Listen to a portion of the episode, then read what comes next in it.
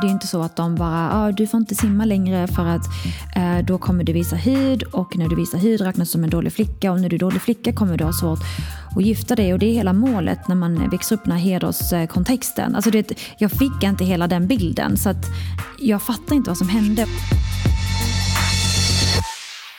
Välkomna till ännu ett avsnitt av Min dolda smärta. En poddserie om smärta som inte alltid syns på utsidan. Alltifrån dolda och kroniska sjukdomar till psykisk ohälsa, rädsla, skada, förlust eller beroende. Glöm allt du trodde du visste om hedersnormer. Det behöver inte alltid vara religiöst kopplat. Och om det är det, så är det inte bara i en religion det existerar. Hedersnormer handlar om kontroll och förvridna föreställningar kring vad en familj måste göra för att värna om sitt anseende eller heder. Förtrycket tenderar att bli striktare när en hederspraktiserande familj kommer till Sverige från ett land där hedersnormerna är mer utbredda. Att bryta sig loss innebär mycket stora risker. Inte bara för fysiska reprimander utan även psykologiska i form av förskjutande från den egna familjen och sammanhangen däromkring. Eftersom fördomar föds ur okunskap och rädsla blir alla röster som kan öka förståelsen, nyansera bilden, minska känslan av hopplöshet och mana till dialog och handling livsviktiga att lyssna till.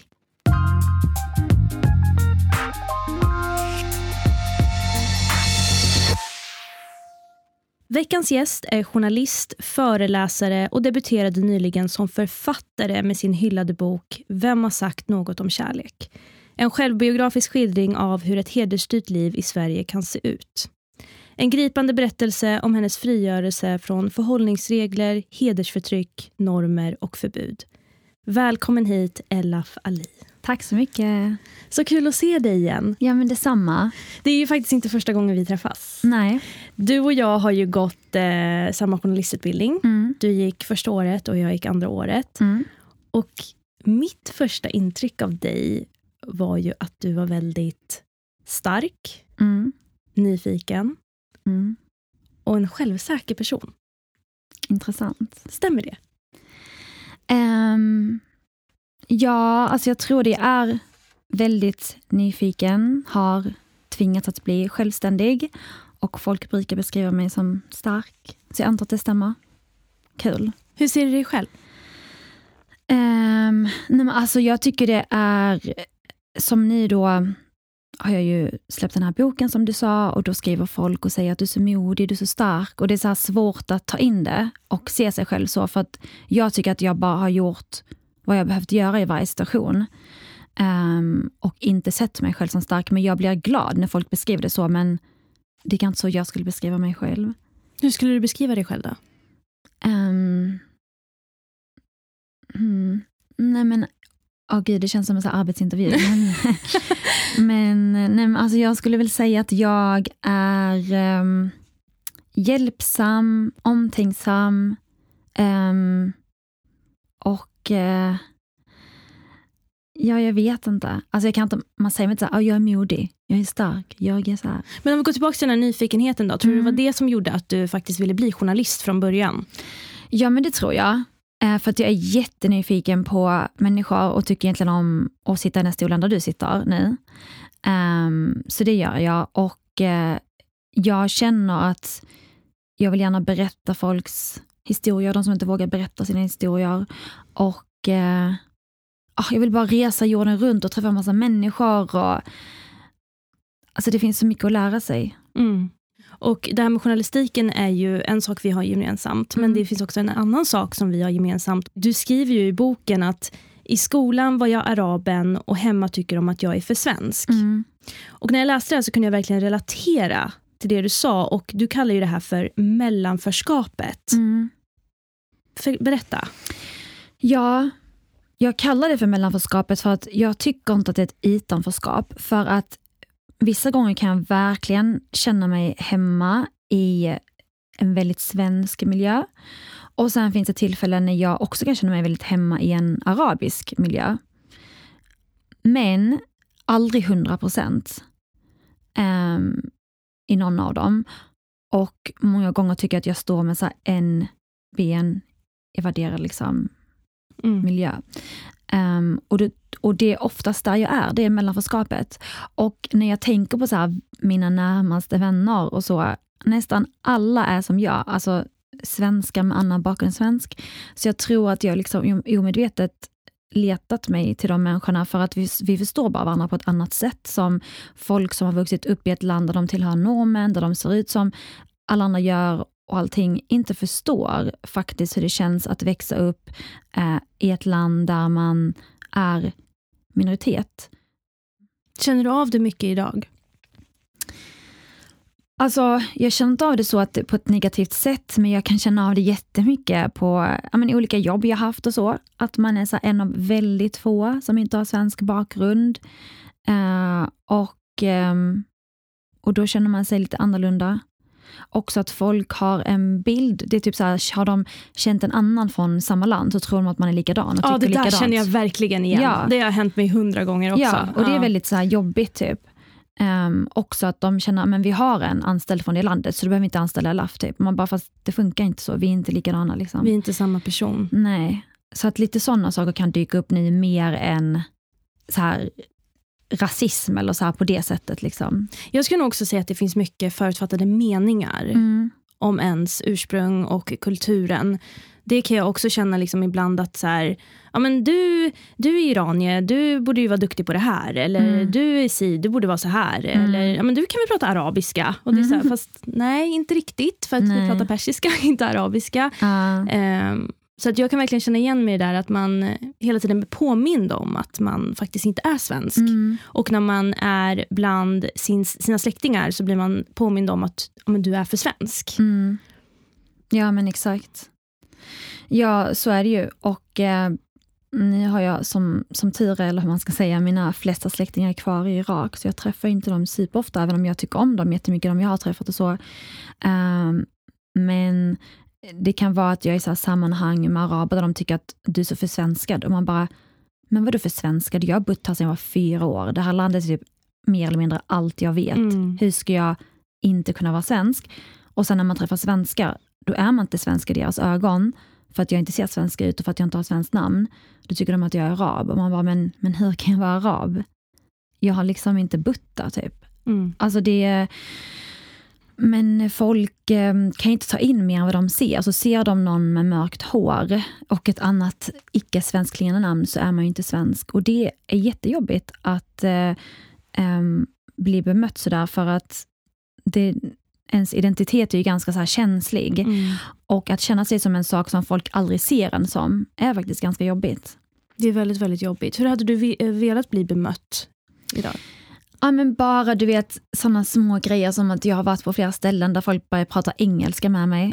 Alltså senast på typ ett spa för några Klassiker. veckor sedan. Ja. Man bara, fast testa svenska först, för vi är faktiskt i Sverige. Om jag inte förstår, då kan du ta engelska, men börja inte med engelska. Så det är ganska förnedrande. Och i deras värld kanske de tänker att de är snälla. Mm. För de bara, men jag ska inte prata med henne på ett språk hon inte förstår, så jag tar med engelska direkt. Så de, jag tror inte de fattar vilken effekt det får istället. Liksom. Eh, så bara sådana små saker, så här, anta att jag är en av er istället för att anta att jag inte är det. Mm. Ja men verkligen. Det ska inte behöva vara det ena eller det andra, man ska liksom bara kunna vara sig själv. Ja, exakt. Min identitet är ju inte främst att jag är arab. Det är så en av mina identiteter, precis som att jag är uppväxt i Skåne och att jag är journalist och så är jag arab och så är jag stora syster och så är jag muster och bla bla. Alltså det är bara en av, det är inte det som, eh, som färgar mig mest. Liksom. Mm, mm.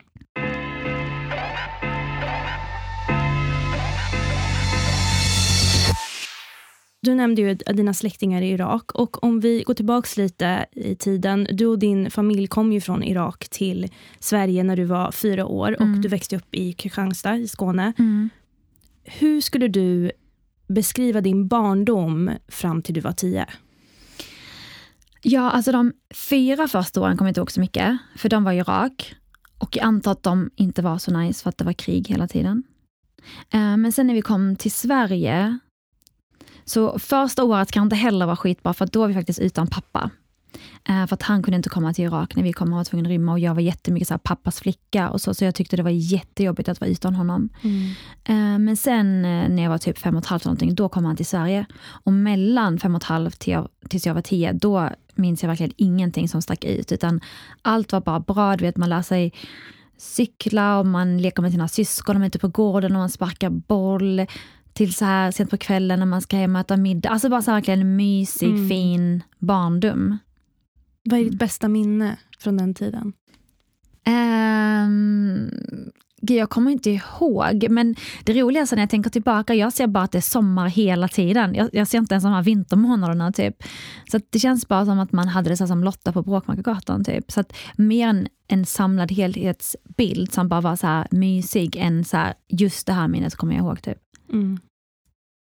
Och sen eh, berättar ju du i boken att, att saker och ting förändrades Mm. så fort du fick din första mens när du var tio år gammal. Mm. Du blev en kvinna, Mm. som du beskriver. Vilket till exempel innebar att du inte fick vara med på simlektionerna i skolan, inte gå ut med kompisar eller vara i ett hem där det fanns en främmande man. Och Det här är ju bara några exempel på de grejerna som du gick miste om. Mm. Vad känner du idag kring det du missade? Ja, alltså det... Jag känner att jag gick miste om min barndom. På ett sätt, för att jag fick ju inte göra någonting och jag blev väldigt så annorlunda mot mina klasskamrater. Och jag fick inte så upptäcka världen som man gör. Jag fick inte testa på olika saker som kanske hade blivit så här, min hobby eller något, någon sport jag skulle kunna bli jättebra på eller um, lära känna vissa människor som jag kunnat lära mig någonting. Alltså allt, jag var liksom väldigt, väldigt begränsad.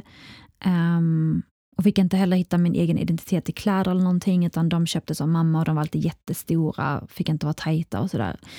Så att det känns bara som att jag levde någon annans liv, typ. Mm. Men hur var det liksom, så här, jag tänker som jag själv när jag var tio år gammal.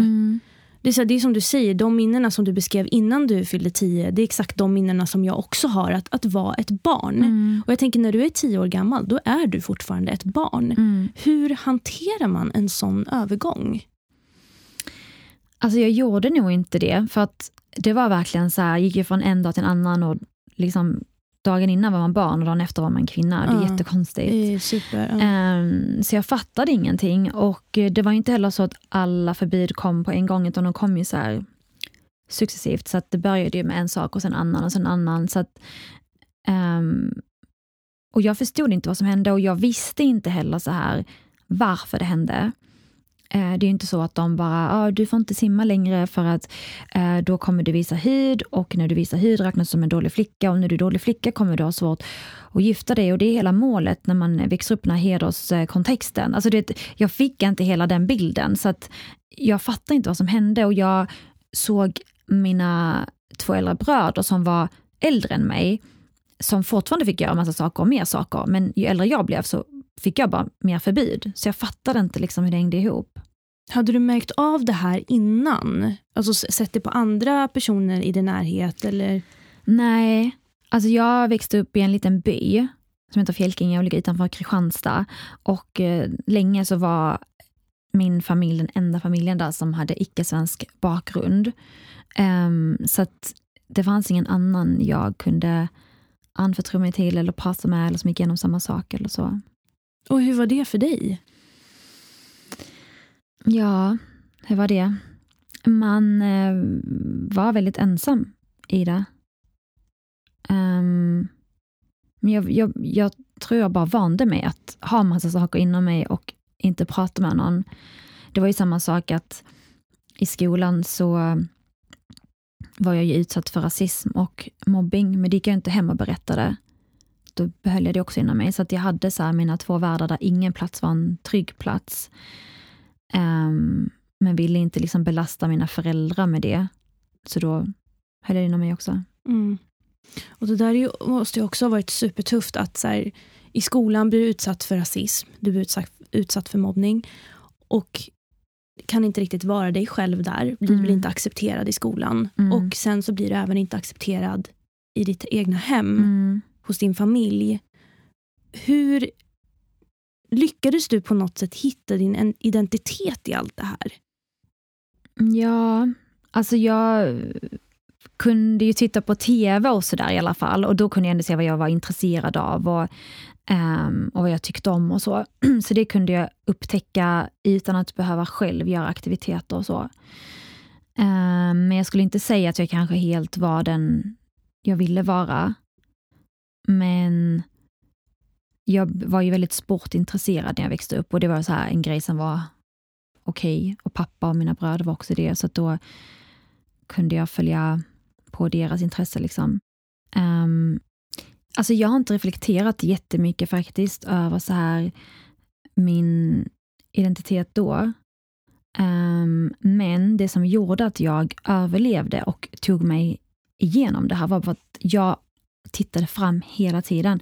Jag bara, en dag kommer jag komma ur det här.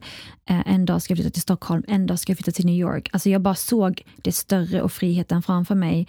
Och jag bara, bara jag tar mig igenom den här dagen, den här veckan, den här månaden, det här året, så kommer jag komma dit. Så det var det som gjorde att jag orkade. Så att jag brydde mig inte jättemycket så för stunden, att så här, och jag kan inte se ut som jag vill och jag kan inte göra vad jag vill.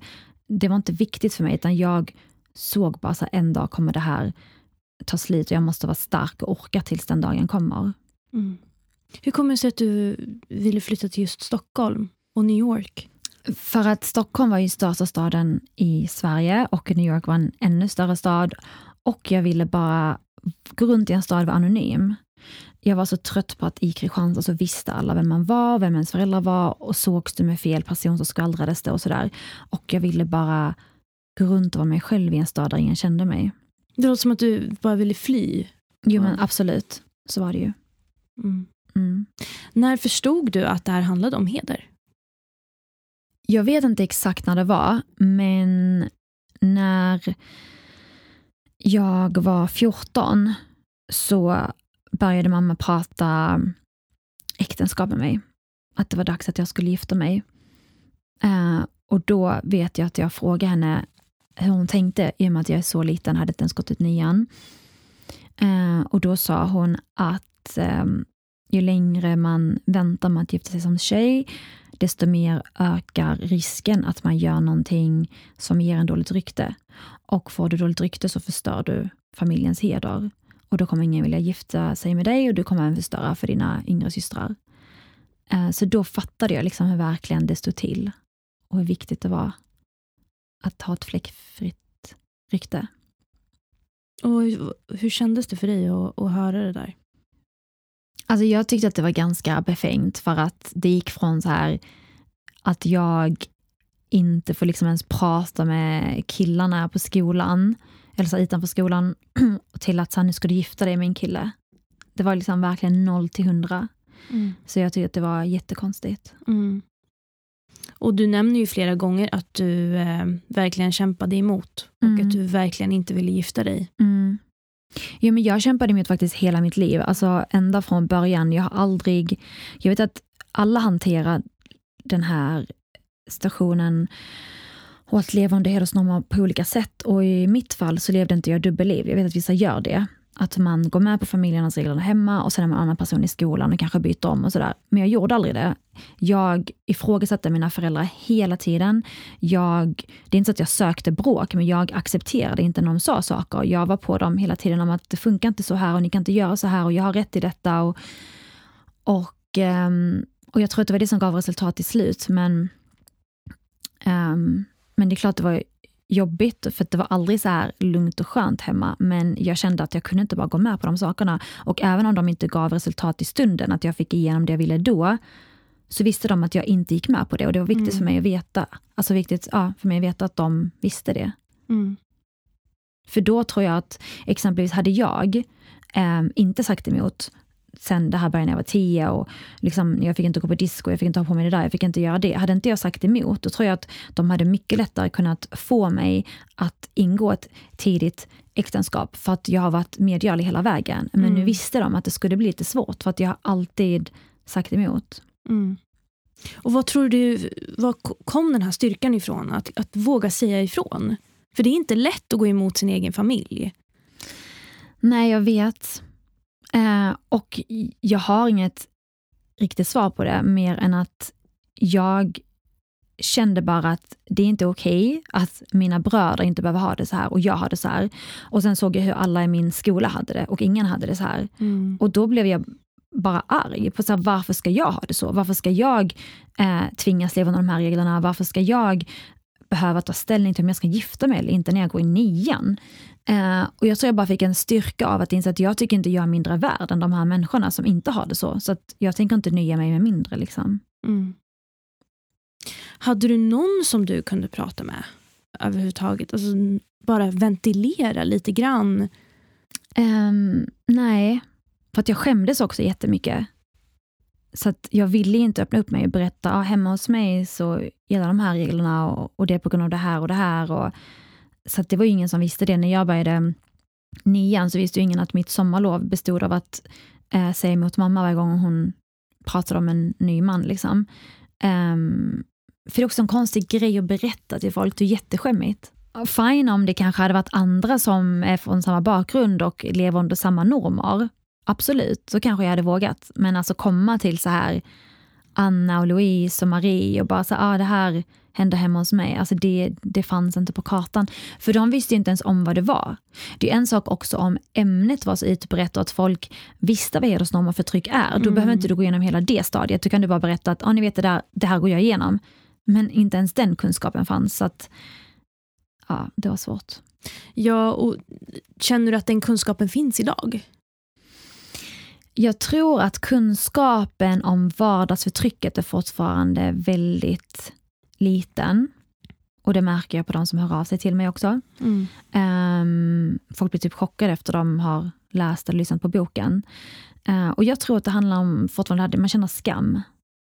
Uh, och sen finns det en uh, blandad, det finns en annan sida som uh, jag också upplevt och som folk också har hört av sig och berättat, som då till skillnad från mig växt upp i områden där det är mycket mer blandat och, och det är många fler som hade min bakgrund.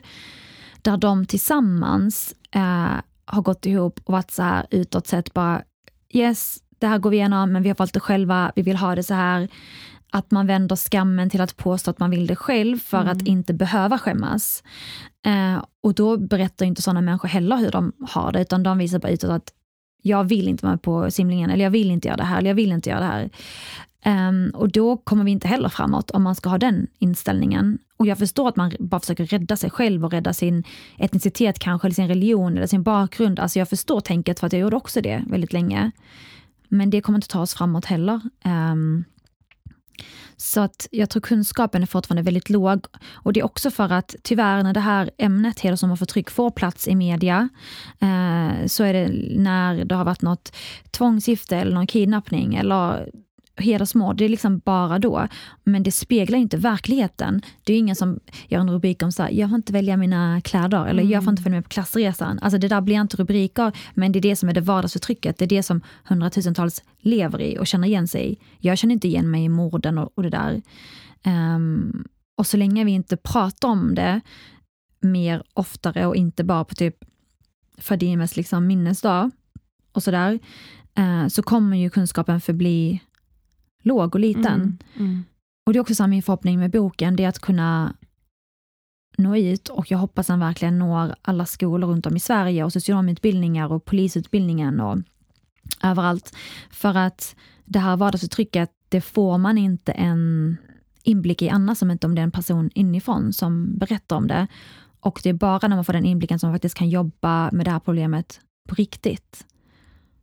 Verkligen. Och vad finns det för förutfattade meningar idag om eh, hedersnormer och förtryck? Ja, oh, gud. Jag tror att den allra största är att det här kommer eh, ifrån religion och närmare bestämt islam. Mm. Och att det endast finns i Mellanöstern. Mm. Den bilden tycker jag är ganska utspridd mm. eh, i Sverige. Och det är fel. Heder fanns innan religion och heder finns utanför religion. Mm. Eh, sen finns det absolut förtryck inom religion. Det finns liksom förtryck, eh, religiöst förtryck i islam och kristendomen och hinduismen och sådär. Så det finns verkligen och i fler religioner. Eh, men om man tror att hedersnorm och förtryck bara finns inom religion, då kommer man ju blunda för massa andra offer. Mm, mm. Och speciellt om du tror att det bara är islam. Eh, jag vet ju jättemånga Exempelvis, jag har själv haft kompisar med syrianer som lever under exakt samma normer. Eh, en tjejkompis som var hindu som lever under exakt samma. Um, men de finns ju inte med i statistiken då om du ska bara prata om muslimer som utsatta. Och speciellt om man bara pratar om muslimer med slöja som utsatta. Jag var inget av det där. Jag, min pappa är inte religiös och jag hade inte slöja. Då hade inte jag sett som ett offer om man ska bara tänka så som um, den bilden har blivit mm. av hur problemet ser ut i Sverige. Och jag tror att om vi slutar se det så och faktiskt se det för vad det är, att det är ett problem som existerar även utanför religiösa familjer och inom fler religioner, då kommer vi inte vara lika rädda att prata om ämnet och ta mm. oss an det. Eh, och på så, sätt, på så sätt kommer vi också kunna hjälpa fler. Så att jag hoppas, hoppas, hoppas verkligen att det blir en förändring efter min bok. För att jag skriver inte den för att jag tycker det är roligt att berätta om det här. Jag skriver inte för att det är roligt att lämna ut min familj eller min historia. Nej. Jag har gjort allt för att dölja hur jag hade det. Så det är väldigt ironiskt att jag nu berättar allting. Men jag gör det för att jag känner att vi kommer inte någonstans. Vi sitter och stampar på exakt samma plats. Debatten och samtalsklimatet låter exakt likadant. Eh, och då behövs det en förändring. Och jag hoppas verkligen att det blir en förändring. Verkligen. Och det jag gillade med boken var att du också kombinerade din berättelse med fakta. Mm. Vilket jag tycker är väldigt, väldigt bra. För det är som du säger, alla har ju inte riktigt 100% koll på vad det här är för mm. någonting och vad det är eh, kvinnor faktiskt går igenom. Mm. Just den här vardagen, hur ser den ut för dem egentligen? Och det är inte alltid kopplat till religion. Nej. Ehm, så jag tycker verkligen att boken är helt fantastisk och jag tycker att du som lyssnar verkligen ska, ska läsa den. den Tack så mycket. Och eh, det med fakta var faktiskt väldigt viktigt för mig. Um, för att jag skrev en gång om det här ämnet 2017. Och då såg jag att det delades i olika grupper där folk skrev så här, ja ja, men det där var Elaf och hennes familj. Muslimer har inte det sådär, araber har inte det så, folk från Mellanöstern har det inte så. Uh, hon, hon gör det bara rasismen. Och då kände jag så här, okej, okay, den här historien ska inte få liksom förminskas genom att folk ska säga att det handlar om en familj och en person. Mm. Med fakta som bygger på forskningar och undersökningar så får man se hur stort det här faktiskt är, hur utbrett det är. Så det var väldigt viktigt för mig att få med det.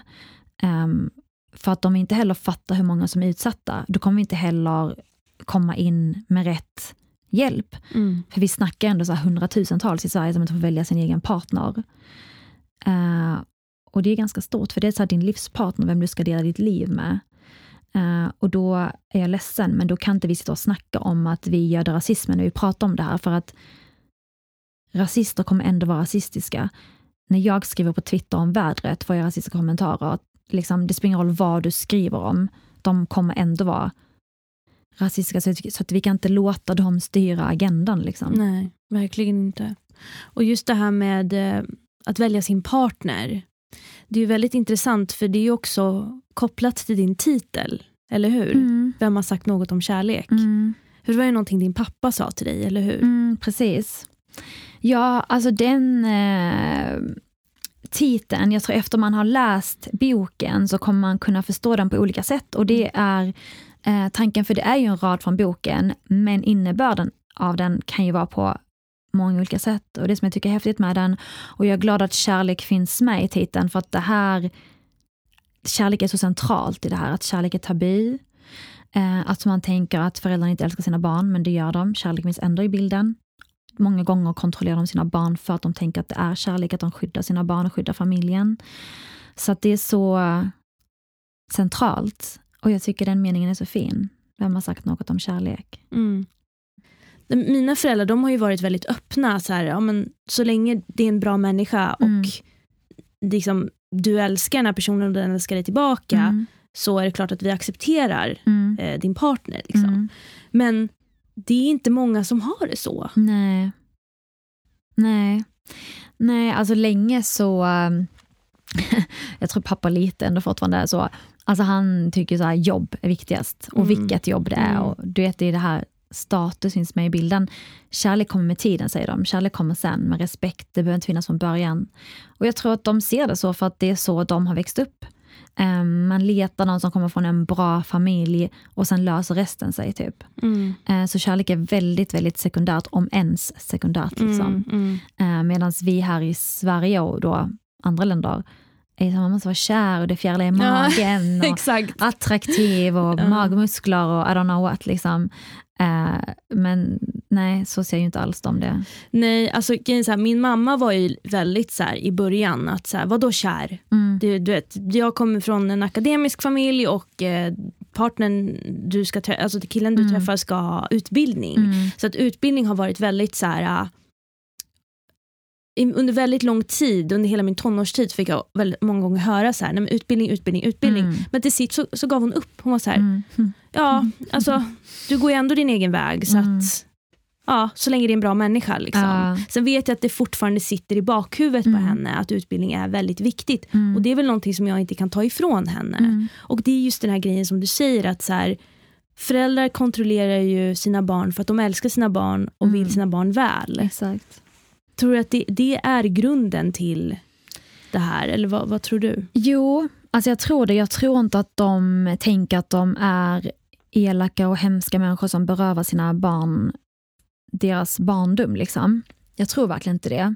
Men, ehm, men man får inte heller glömma, i alla fall Irak, där jag kommer ifrån, och andra länder, så har inte barnet alls i närheten av samma rättigheter som man har i Sverige. Så att även då om barnet skulle säga ifrån och bara, men jag vill inte ha det så här och jag vill göra detta. Det är inte att de lyssnar på barnet, de kör ju ändå på. Och det är väl det som är fel. Att någonstans så kan ju inte de bara fortsätta med sina traditioner om de märker att barnet får illa. Mm. Ehm, men det tycker jag inte det har kommit, utan det är fortfarande så att föräldrarna styr och föräldrarna har makten. eh, och att de tänker att de vet bäst. Och det vet, det vet väl föräldrar många gånger av vad som är bäst, för att barnet är väldigt liten. Men i vissa fall så är det inte så. Ehm, men jag tror inte de ser det så, de föräldrarna. Mm. För att de har aldrig haft det så. De kommer ju själva från att deras föräldrar har bestämt allt över dem.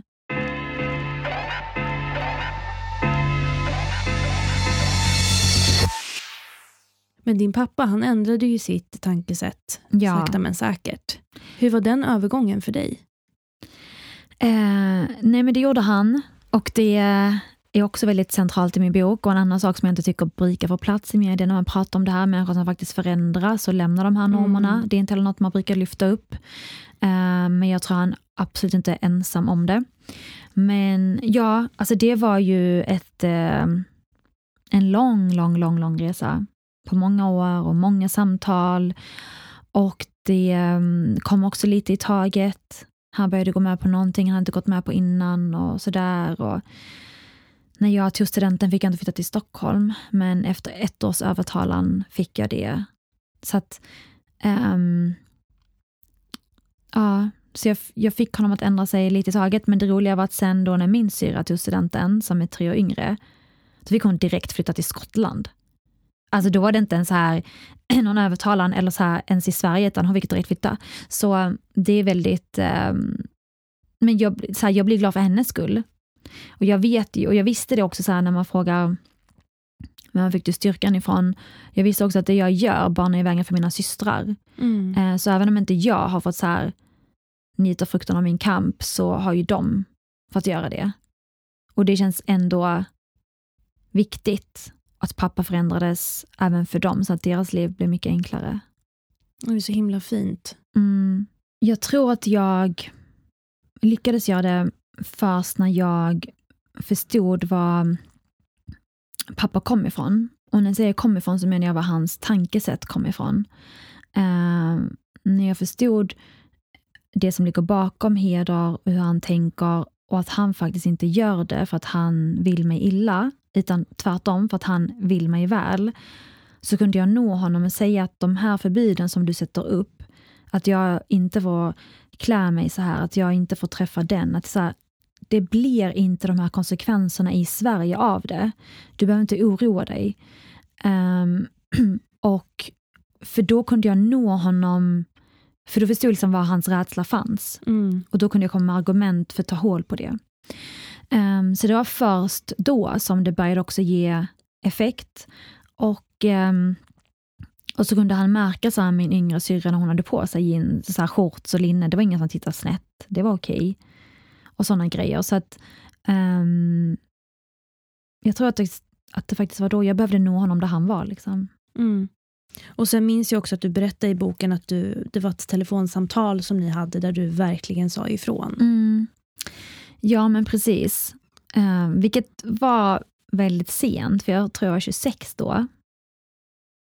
För folk har också du vet, en missuppfattning om att det här drabbar också bara unga. Mycket av så här statistiken som finns idag är ju så upp till 24 års ålder, eller upp till 18, som att det tar slut, men det gör det inte. Många gånger håller det här på, ibland även efter giftermålet, för då tar mannen över förtrycket. Så i alla fall, så jag var 26 då och eh, hade precis gjort en av mina mm, första jorden runt-resor. Kände mig så här vuxen och att nu var jag ju liksom förbi det här, för att jag har precis rest jorden runt. Um, och så ringer pappa och um, säger att han ska komma upp till Stockholm dagen efter för att han har hittat en man till mig och att vi ska gå och träffa han och hans pappa.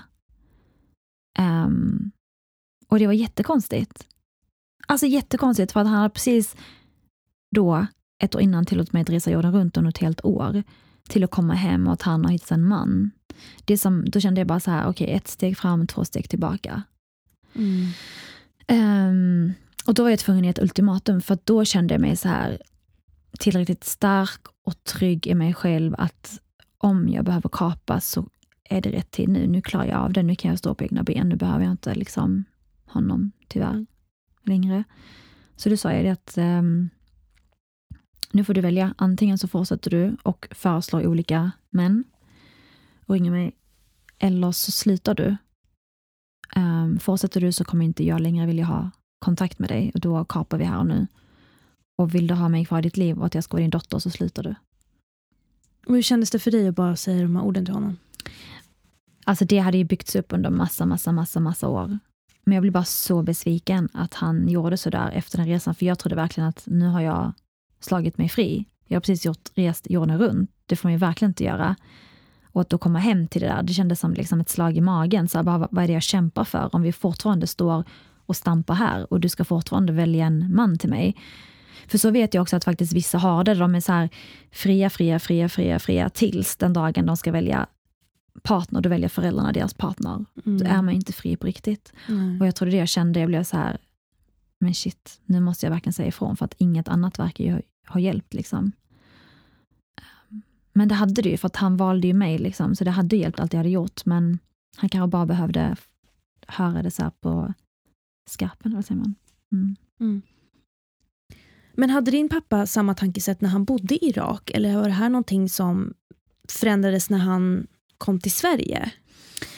Ja, alltså min pappa och det är faktiskt det är en bra fråga, för det är också delvis därför jag kunde förändra honom. För att han har ju inte alltid varit så här. Han är ju en väldigt eh, öppen person, väldigt sekulär person eh, och eh, tycker om att kvinnan ska vara självständig och så. Um, men när han kom till Sverige, um, vilket jag också pratar med honom i boken om hur det var för honom att dels komma till Sverige ett år efter vi kom, hans fyra barn och hans fru och sådär, hur det var. Och gå från att vara eh, liksom en läkare som tjänstgjorde inom militären och hade hand om skadade i krigen och verkligen så respekterad till att komma till Sverige, ett land där du inte kan språket. Du är 45, du har inte dina vänner, inte din familj. Alltså du tappar all status, du tappar all din identitet. Mm. Eh, och då är han istället också små barns förälder i ett främmande land. Um, och han får tyvärr inget jobb här heller. Han söker jobb, eh, men han får inte jobb som läkare någonstans. Um, och till slut så blir det att kontrollera oss döttrar blir hans enda uppgift. Och då går han all in på det istället. Uh, och blir nog en människa som han själv inte känner igen sig i. Och det är därför han har sån ångest idag när han tittar tillbaka, för att det är inte så han är egentligen. Och jag menar, han lät ju mig börja jobba när jag var 16 och han ville att jag skulle ta körkort när jag var 18. Och så, där, så han har alltid varit för att jag ska vara självständig. Och jag tror folk inte heller förstår den, alltid, hur det kan vara så. Um, men tyvärr, alltså jag tror verkligen typ hade han fått ett jobb och haft ett annat sammanhang, då hade han ju varit någon mer än bara vår pappa. Mm. Men nu blev det typ hela hans uppgift. Och jag tror att många eh, faktiskt, att det blir överdrivet här i Sverige och mer än det blir i hemlandet också. För att här i Sverige, eh, jämfört med hemlandet, där det kanske redan är att man skiljer på tjejer och killar i skolan och i samhället. Här i Sverige är man mer tillsammans eh, och blandat och då känner de att de måste vara ännu mer kontrollerande och så. Så det kan också vara en orsak till varför förtrycket blir intensivare i det nya landet. Mm. Och dina systrar är ju yngre än dig. Eh, hur upplever de pappa? Vad har de för relation? Um, ja, men som jag var inne på uh, innan och pratade om innan, så när jag sa emot pappa och sådär så ändrades han inte direkt. Men jag sådde ju frön i honom så att när sen mina systrar växte upp så fick ju de uppleva en helt annan pappa och våra uppväxter, ironiskt nog, i samma familj med samma pappa är väldigt, väldigt olika. Och speciellt jag och min nioåriga syster, alltså vi har som två helt olika uppväxter. Den tjejen har fått göra allt. Alltså allt. Eh, och hon fick läsa min bok innan den släpptes. Eh, och hon kände inte igen den, alltså pappan som jag beskriver. Um, och hon frågade mig, så här, hur kunde du förlåta honom? Hur har du kunnat ha en relation med honom? Mm. För att mm. hon, jag flyttade hemifrån när hon var men typ 9-10. Um, ehm, så, och hon var väldigt liten när det var som värst för mig. Mm. Så hon har inte sett det. Uh, så hon fick reda på jättemycket när hon läste boken, för jag har inte velat berätta för dem heller, för att jag har inte känt så att jag vill lägga min, inte smärta du vet, men man vill ju skydda sina syskon liksom. Så hon fick läsa och ta del av jättemycket då första gången hon läste boken. Um, och förstår inte att det är samma pappa. Men jag tycker bara det är sjukt häftigt, för det säger så mycket om hur han har förändrats. Um, och att förändring är möjlig. För jag tror att hade någon levt mitt liv och sen sett hur pappa är idag. Alltså det går inte att förstå, jag kan inte ens förstå att det är samma människa. Det är så sjukt. Det, det är liksom, nej det är så sjukt. Är det som natt och dag? Men det är som ett annat universum alltså gå från att vara så här på riktigt dödsrädd för din pappa till att så här, kunna berätta allt för honom. Alltså det är ju så här... Mm. Mm. Hur ser er relation ut idag? Um, jag och pappa har en väldigt bra relation. Vi hörs varje dag, ringer varandra varje dag och han stöttar mig till 100 procent. Uh, han har varit bakom mig hela vägen med den här boken och Eh, och liksom låtit mig berätta historien och berätta den intervjuer och sådär. Så det är jag tacksam för. Eh, även det jobbiga som han har jättegrov ångest för. Att han har utsatt oss barn för och, och sådär. Men han säger att det är ditt liv och din historia och du har rätt att berätta den. Och det tycker jag också visar på den förändringen han har gjort. För att det är också en sån grej som egentligen är tabu, att berätta hur saker och ting varit i hemmet. Mm. Um, så ja, det är en jätteresa han har gjort.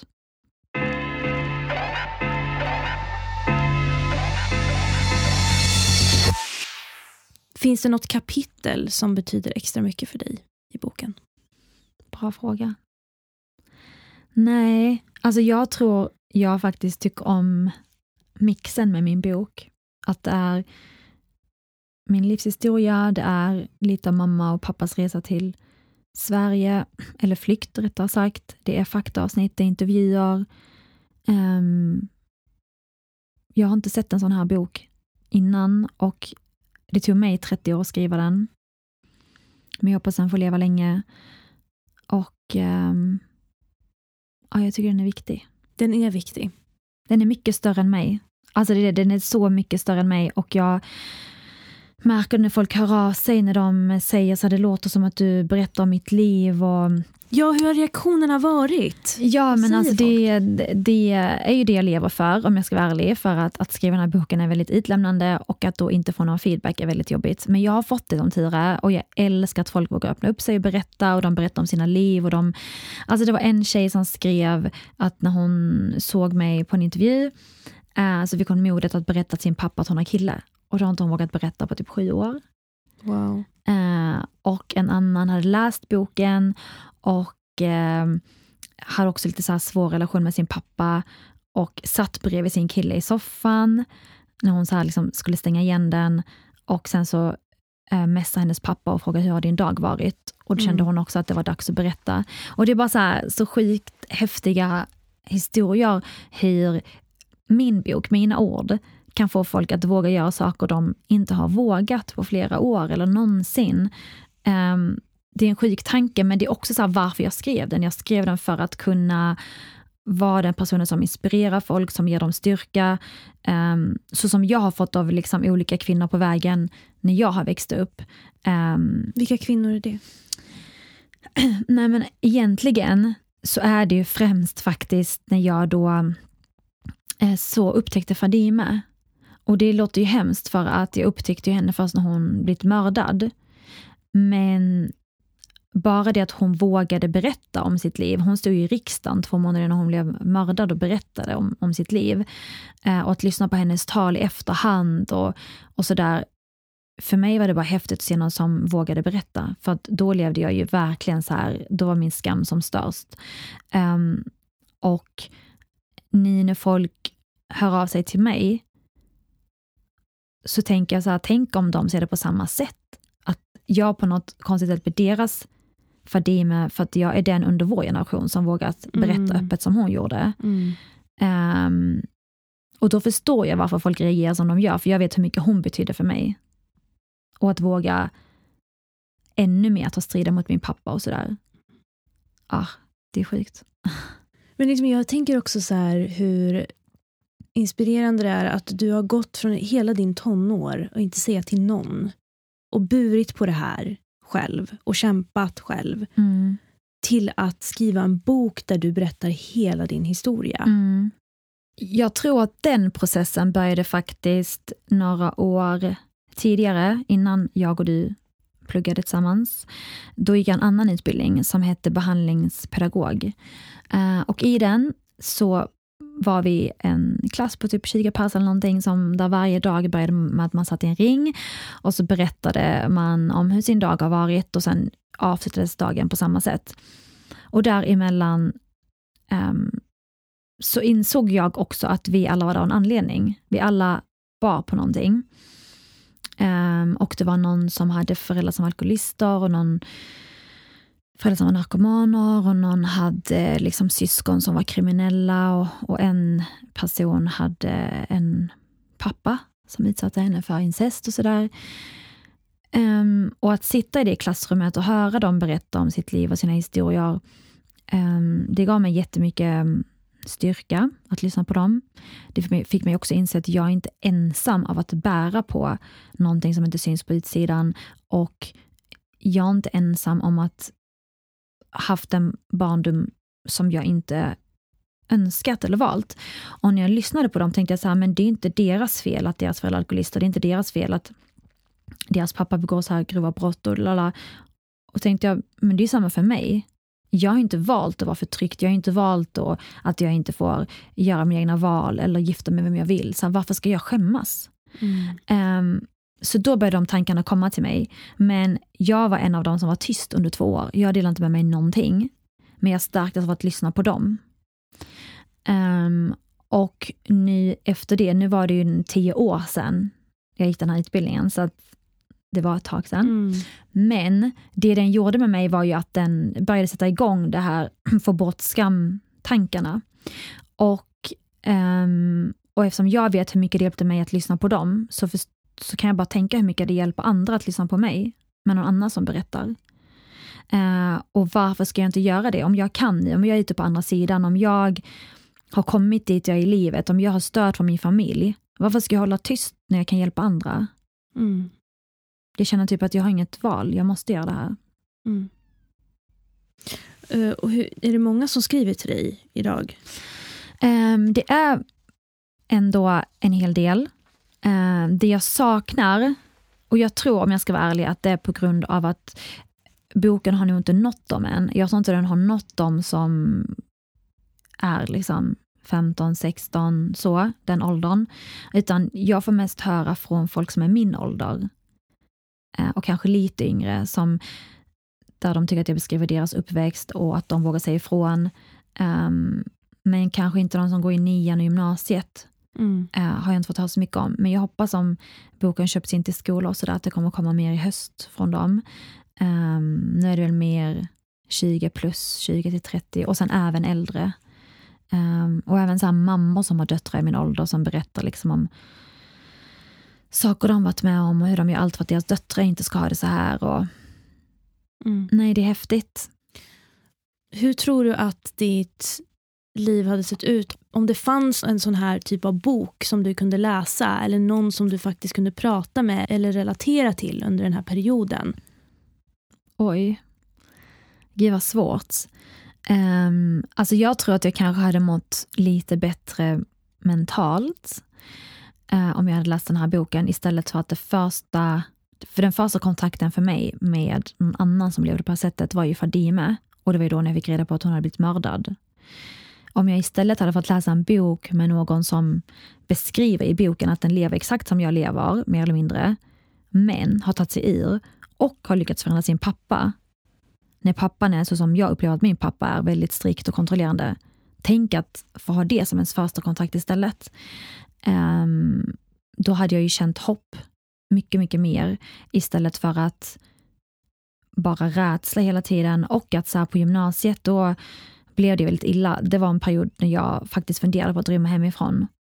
För att jag såg inget slut på det. Hade jag läst den här boken hade jag kanske inte fått sådana tankar och tänka att, att jag kunde vänta ut det mer.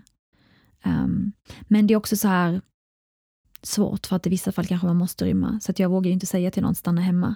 Utan min förhoppning är att när man läser boken så, kan, så vet ju den personen, den känner, känner ju bäst till sitt eget liv och kan därefter ta vilka råd den vill ta som den tycker passar in på deras liv. Så jag vågar inte säga till någon hur de ska göra, men för mig hade den verkligen hjälpt eh, och varit inspirerande. För att från och med Fadima och fram så möttes jag bara av rubriker som handlade om mord. Um, och eh, tvångsäktenskap och kidnappningar och den har tagits i hemlandet och den mördades i hemlandet och den det och det och det och det och det var inte vad jag behövde höra. Mm. Inte bara det i alla fall. Vad var det som gjorde att du ville rymma hemifrån just den gången? Det var inte bara just den gången, det var en period under ja, det var en period, ja. uh, som var väldigt jobbig. Um, där jag inte såg ett slut på det. Och då kände jag att jag var så här vuxen för mig på gymnasiet. Jag bara, nu kan jag. Jag kunde inte innan, men nu kände jag så att jag kan. Ingen aning om jag skulle ta vägen eller någonting. Jag tänkte få bo hos kompisar. Alltså du vet, man tänker inte liksom klart och så, men då vet jag att det var som värst. Men jag gjorde inte det. Varför gjorde du inte det? Jag tror inte jag gjorde det för att jag vågade inte öppna upp mig tillräckligt för att kunna ta emot den hjälpen och jag visste inte var hjälpen fanns. Jag vet inte vad som hade hänt om jag hade pratat med någon på skolan och sådär. Men egentligen, den största anledningen till att jag inte gjorde det är för att jag har två yngre systrar och jag kände att jag kan inte lämna dem. Jag kan inte sticka själv och få ett bättre liv och lämna kvar dem. Det funkar inte så. Jag kunde inte göra det. så att Jag kände att jag var tvungen att stå ut för deras skull. Kände du att du hade ett stort ansvar över dem? Absolut. Absolut. Det är inte schysst att lämna kvar några andra i problemet och själv sticka. Man gör inte så. Det känns som att du blev vuxen väldigt tidigt. Mm. Ja, så var det, men det fanns inget annat val. För att mina föräldrar eh, lärde sig tyvärr inte svenska. Så jag var ju tvungen att även ta hand om deras problem och ärenden och allting. Och var ju som en assistent åt dem nästan, eh, eller vad man ska säga. Följde med på alla deras eh, läkartider och möten och var det enda barnet på föräldramöten och översatte allting och, och så. Mm. Vilket också är, så blir det ju ibland också.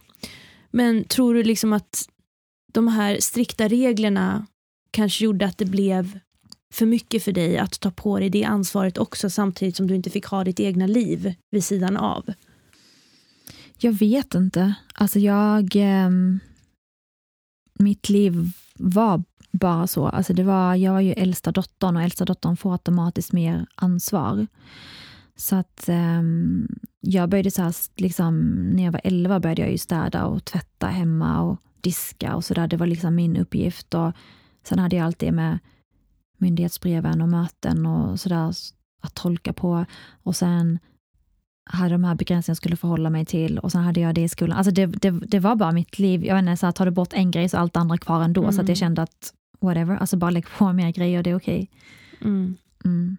Eller okej okay var det ju inte, men jag klarar av det typ.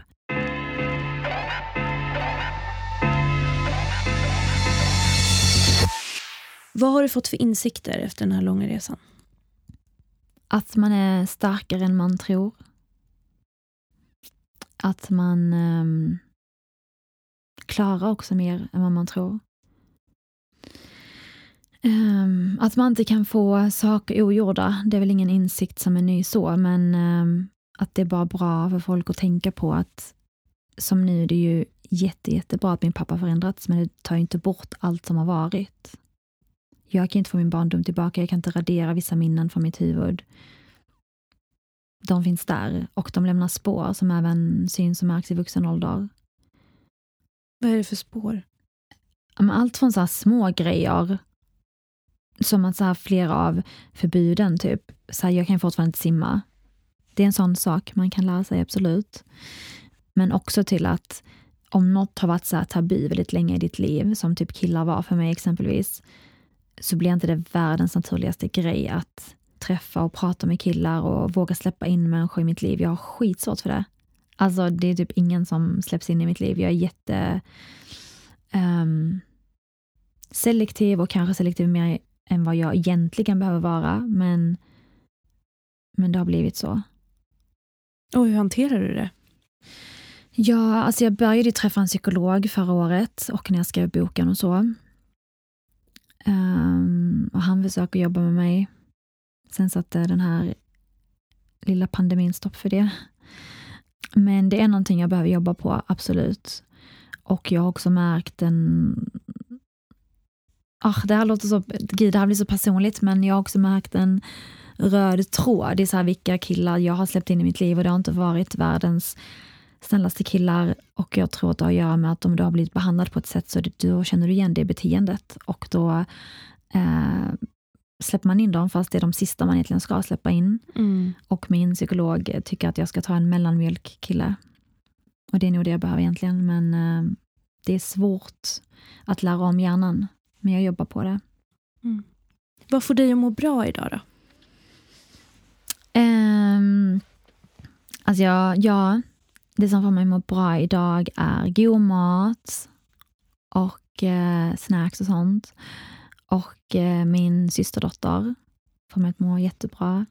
Och eh, men bara så här, sköna serier, filmer, musik. Alltså mycket så här, kultur betyder jättemycket för mig för att när inte människor har funnits där så har jag haft alltid det runt mig. Jag eh, spenderar ju verkligen så här 90 procent av min lediga tid med serier och filmer. Um, men det får också mig att må bra. Och det är lite så att jag kan liksom gå in i deras världar och låtsas att jag är en av dem och så, så glömmer man sin verklighet. typ. Um, Gjorde du mycket det när du var yngre också? Ja, absolut. Folk brukar säga att jag har bra engelskt uttal och det är 100% från serierna. För att jag började väldigt tidigt att titta på dem. Så att det fanns det redan när jag var liten.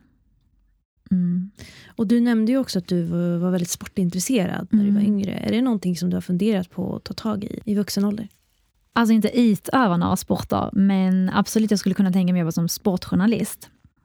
Någon som lyssnar får gärna skicka mig till VM i Qatar nästa år, tack. yes.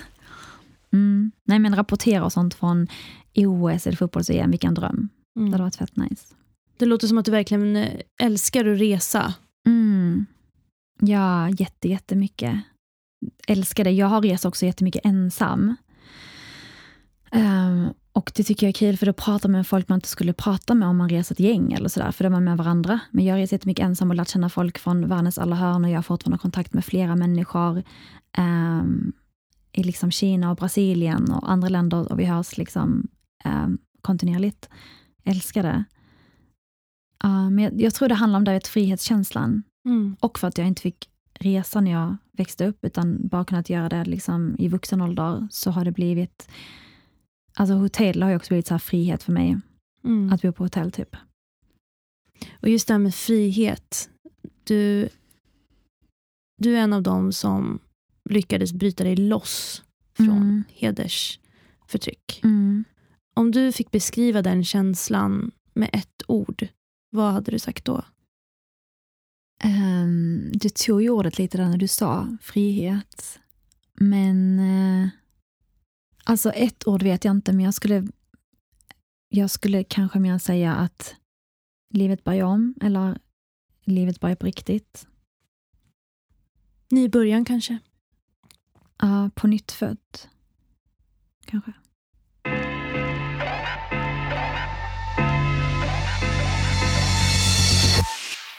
Och för de som vill känna samma känsla eller som befinner sig i samma situation som du gjorde och som söker hjälp. Vart kan de söka hjälp? Vad finns det för stöd att få? Ja, alltså det finns ju faktiskt många organisationer som jobbar med det här. Är man under 18 finns alltid Rädda Barnen och de har eh, sin stödchatt för just sådana här frågor som heter Kärleken är fri. Uh, och sen så har ju polisen i varje stad ska kunna ta hand om sådana här frågor, socialtjänsten. Det finns en sida som heter hedersförtryck.se som man kan gå in på som har vidare länkar till olika föreningar och organisationer. Eh, är det inte bråttom kan man också läsa på om dem och se vilken man tycker passar en bäst. Eh, och så. Och annars eh, vända sig till ens lokala socialtjänst om man vill göra det. Mm. Och när du gick i skolan så fick ju inte du riktigt det stödet som du behövde från lärare. Mm. De reagerade ju inte riktigt på rasismen eller mobbningen mm. och hur du hade det hemma. Vad tror du skolorna kan göra eller lärarna kan göra om de misstänker någonting? Men jag tror att det viktigaste är ju att man läser på om ämnet. Um, för att om den som är utsatt kommer aldrig våga kontakta sin lärare om man vet att den inte känner till det här. Mm. För då blir steget så himla stort, så som det var för mig. Så att det bästa lärare kan göra är att läsa på om hedersnormer och förtryck. Uh, och på så sätt kan det vara ett bra stöd, för då kan du också faktiskt känna igen signaler innan eleven kanske vågar komma till dig. Så när den väl kommer till dig så är du mer förberedd på det också. Um, så mitt bästa tips är verkligen bara mer kunskap. Mm. Och om man pratar om det i skolan, om det är liksom en del av undervisningen, då finns det där. Um, då vet också eleven att kunskapen finns, utan att läraren behöver säga det. Mm. De kan ju läsa din bok till exempel. Det kan de verkligen göra. Uh, jag vet redan flera skolor som har hört av sig köpt in den. Den kommer ju med lärarhandledning. Så att lärarna behöver inte känna att de behöver vara proffs på ämnet utan de får med sig en handledning hur de ska kunna jobba med kapitlen och uppgifter och allting. Allt för att göra det enklare för dem så att det inte ska kännas som en uppförsbacke att jobba med det här ämnet. Så um, ja. Var det det som var målet med din bok också? Ja, men politiker, socialtjänst, socionom, alltså jag har massa, stor målgrupp um, med den här boken, men skolan är absolut en viktig. Um, och jag ser fram emot att i höst eller sådär kan jag komma ut till skolor och föreläsa efter de har läst boken och möta eleverna. och sådär. Det känns jättehäftigt. Ja, och det tar ju oss in lite på det här med framtid. Vad, mm. vad tänker du? Vad har du för framtidsplaner? Vad har du för drömmar? Eh, nej, men min stora dröm är väl... Alltså jag har ju aldrig gillat att bara göra en sak. Jag måste göra massa olika saker. Det är det jag mår bäst av. Så att jag vill jättegärna jobba på tv, gärna framför kameran. Men jag vill också skriva manus till film och tv-serier. Jag vill skriva en till bok i framtiden. Jag vill också jobba på radio. Alltså jag vill göra typ allt inom media, typ allt jag tycker är kul. Um, så jag vill bara fortsätta Inspirera.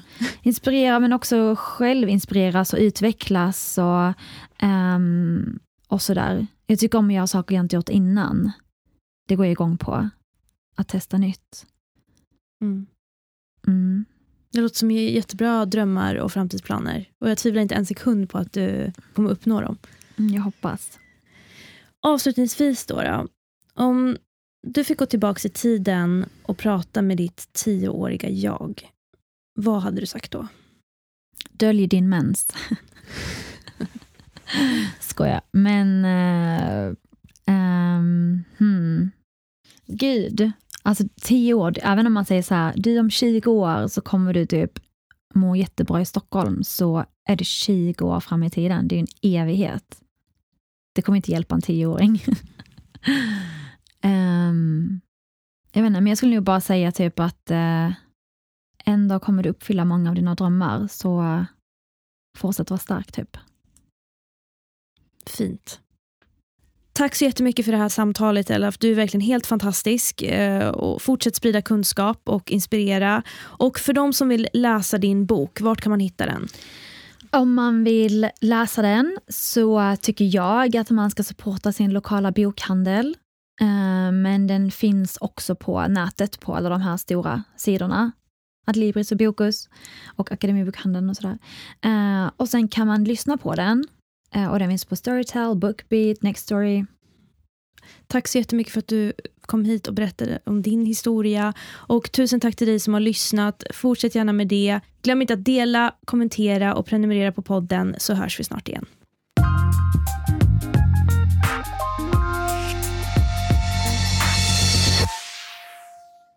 Min dolda smärta spelas in hos Smile röster och ljudproduktion.